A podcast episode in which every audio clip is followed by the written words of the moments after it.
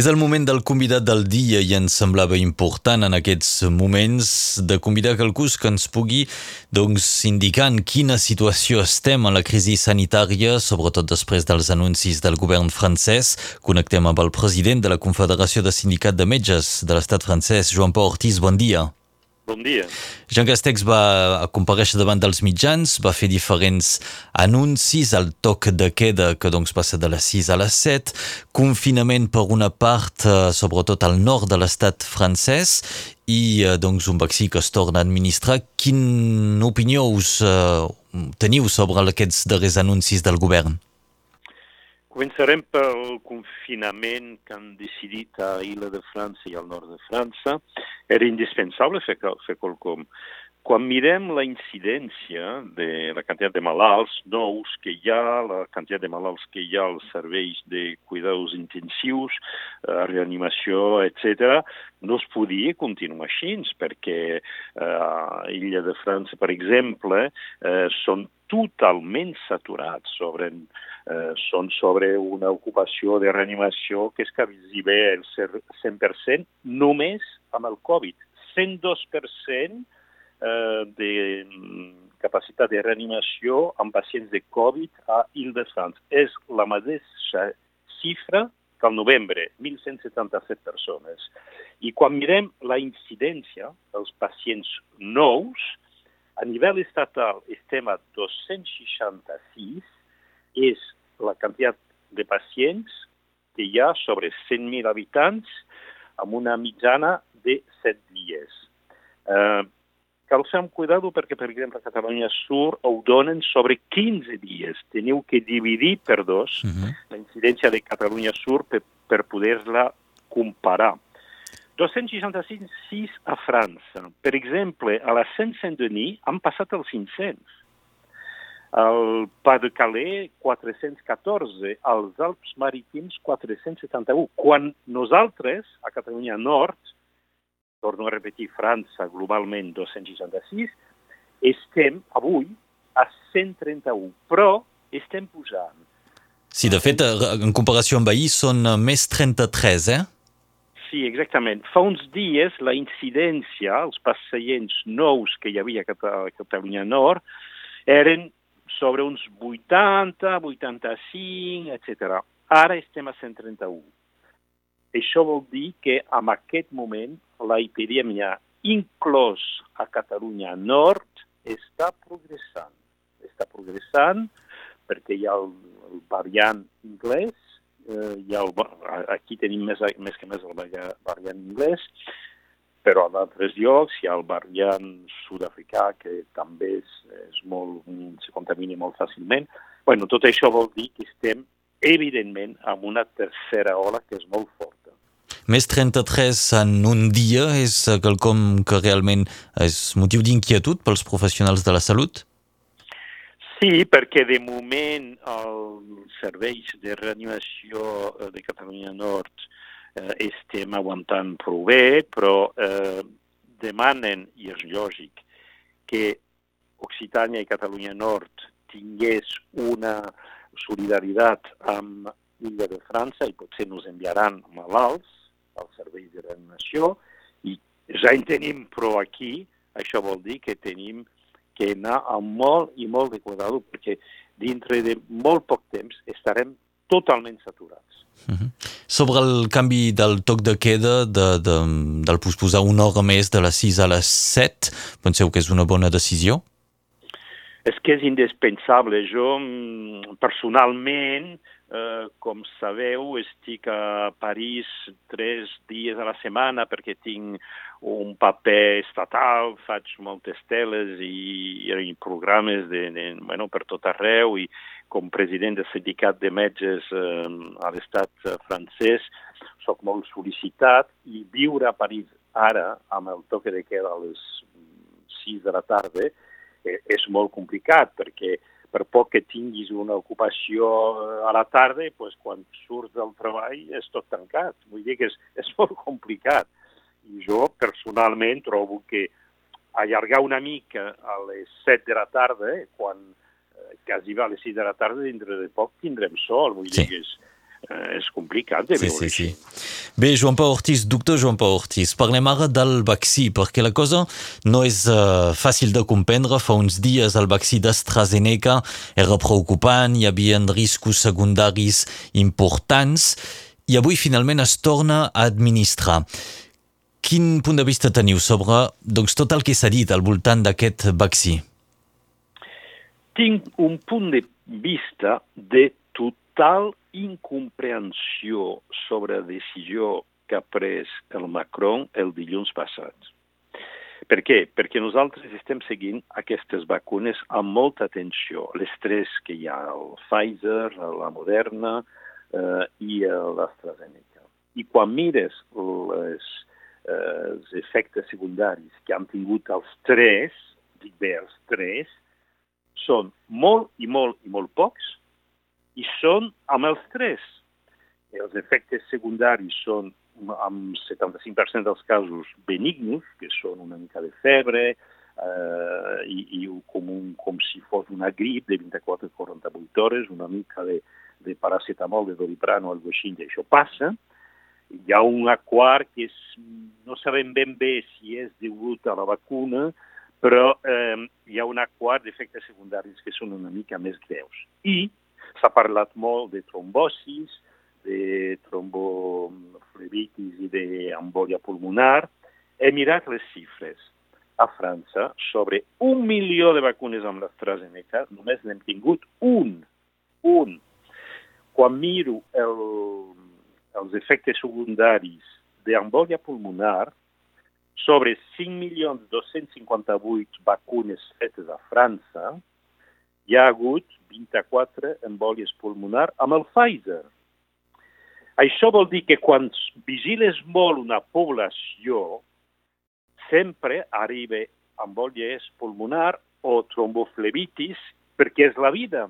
Agafes un milió de persones vacunades, un milió de persones que no són vacunades, tant el grup vacunades com el grup que no són vacunades faran els uns o els altres tromboflebitis, embòlia pulmonar, etc. I el que es té que mirar és si la incidència és més elevada amb una persona vacunada o no. I la resposta és no. I doncs, quan el president de la República diu el dilluns passat la vacuna AstraZeneca de moment no es té que utilitzar, veurem dintre de 3 o 4 dies, és un desastre sanitari. És un desastre uh -huh. perquè hem perdut 4 dies. I 4 dies vol dir morts. Vol dir morts. I vol dir que també hi ha vaccins que s'han hagut de destruir, potser? Hem perdut vaccins quan, hem, quan us en falten molt. Hem llançat vaccins perquè els, uh, els flacons eren oberts sí. i hem llançat vaccins. I més que més, més que més, i això jo com metge me sembla gravíssim, una decisió del president de la República o és que té més eh, informacions que nosaltres, i això és intolerable, perquè jo sóc responsable de cara als meus malalts, o no té més informes que nosaltres i no hi ha cap raó de suspendre aquesta, aquesta, aquest vaccí. Lo que passa, que evidentment a França globalment hi ha molt de vaccinocepticisme, hi ha molta prudència dels francesos amb, la, amb, amb el vaccí. I la decisió del president de la República va anar augmentant la prudència amb el vaccí. Quan eh, a nivell estatal s'ha fet una, un estudi, una enquesta, només 20%, 20% dels francesos ara són disposats a fer la vacuna AstraZeneca. 20%. Com sortirem d'aquesta crisi si tenim eh, tan poca confiança dels francesos i, i a nivell global amb la vacuna? Això són decisions amb un impacte catastròfic. Catastròfic. Mm -hmm. Joan Pau Ortiz, doncs des de des de la Confederació de Sindicat de Metges de l'Estat francès deixeu molt clar que doncs, no hi ha més risc de, de tenir el, el, el, uh, doncs, el vaccí d'AstraZeneca que un altre. L'OMS diu que no hi ha cap raó científica per frenar la vaccinació amb AstraZeneca. L'Agència Europea del Medicament va en el mateix sentit. La Societat Internacional sobre Trombosi i Hematosi també. Finalment, la decisió de uh, deixar d'aplicar aquest vaccí i tot el rebombori que això ha creat, finalment ve dels polítics. és una decisió estrictament política. I jo, com personal sanitari, com metge, trobo que és una decisió que no es pot comprendre, que jo no la comprenc, i considero que els impactes negatius són desastrosos i són enormes. I això és el que a mi me fa molta revolta, perquè estem lluitant contra el Covid, tots junts, i, i sabem que és una malaltia molt greu, amb casos molt greus. Sabem que la, el, el, fer el vaccí a la gent més gran ja tenim una gran baixada d'incidència, d'hospitalització i de casos greus a la gent de més de 80 anys. Ja tenim les xifres a nivell estatal. A, a, per exemple, a cuidadors intensius, en aquest moment, la edat mitjana ha baixat de 63 a 57. Què vol dir? Que estem en una cursa de, de, que tenim que anar molt ràpid amb la vacuna per protegir tothom, perquè ara els casos són més joves, més greus, perquè el variant anglès són casos més greus, i és per això que tenim una sobrecàrrega a reanimació, quan la quantitat d'hospitalització és estable. No tenim més quantitat global d'hospitalitzats, però tenim més casos greus. Això vol dir que quan més ràpid vacunarem, més ràpidament protegirem la població, protegirem cadascú, al final sortirem d'aquesta crisi. I tot, tot el que atrasa aquesta utilització del vaccí és un desastre. Mm -hmm. Potser tornem encara sobre l'aspecte polític, si la política finalment és la responsable d'aquesta imatge o mala imatge que ha tingut l'AstraZeneca. Um, és un vaccí britànic. Això pot tenir el quelcom a veure sobre doncs, aquesta situació que s'ha creat en els darrers dies, darreres setmanes. Sabem que doncs, arran del Brexit això pot haver tingut algun paper? És molt complicat de contestar amb aquesta pregunta i n'estava parlant moltes vegades a París. Pot ser una explicació. Pot ser una explicació també, que no sé si la gent ho sap, però l'AstraZeneca és molt i molt i molt més barat que el Pfizer. El cost el most, és molt, molt més baix. El Pfizer val 7 o 8 vegades més car que l'AstraZeneca. Per què? Perquè l'AstraZeneca s'ha desenvolupat amb la facultat d'Oxford i el compromís dels que fan totes les recerques científiques a la facultat d'Oxford ha sigut d'acceptar que el, el vaccí que havien trobat se desenvolupés a nivell industrial si i només si no es feia cap benefici. I és per això que no hi ha cap campanya de promoció del, del vaccí AstraZeneca, perquè els altres el podrien fer, però l'AstraZeneca no, no té els meios. Jo he parlat amb el president del laboratori francès i li he dit, però com és que no feu una mica de promoció, de defensa del, del vaccí? I m'ha dit, és que, és que no puc, perquè és un vaccí que a nosaltres inclús no es costa una mica de, eh, una mica de, de diners perquè ha sigut el compromís que ha desenvolupat amb l'Oxford. Això és una explicació, potser. L'explicació del Brexit és una altra. L'explicació que el Pfizer és americà i que eh, Europa ha, eh, ha sostenut el, el vaccí americà Pfizer eh, amb un, bueno, amb un, amb una, amb un laboratori alemany BioNTech és una altra explicació.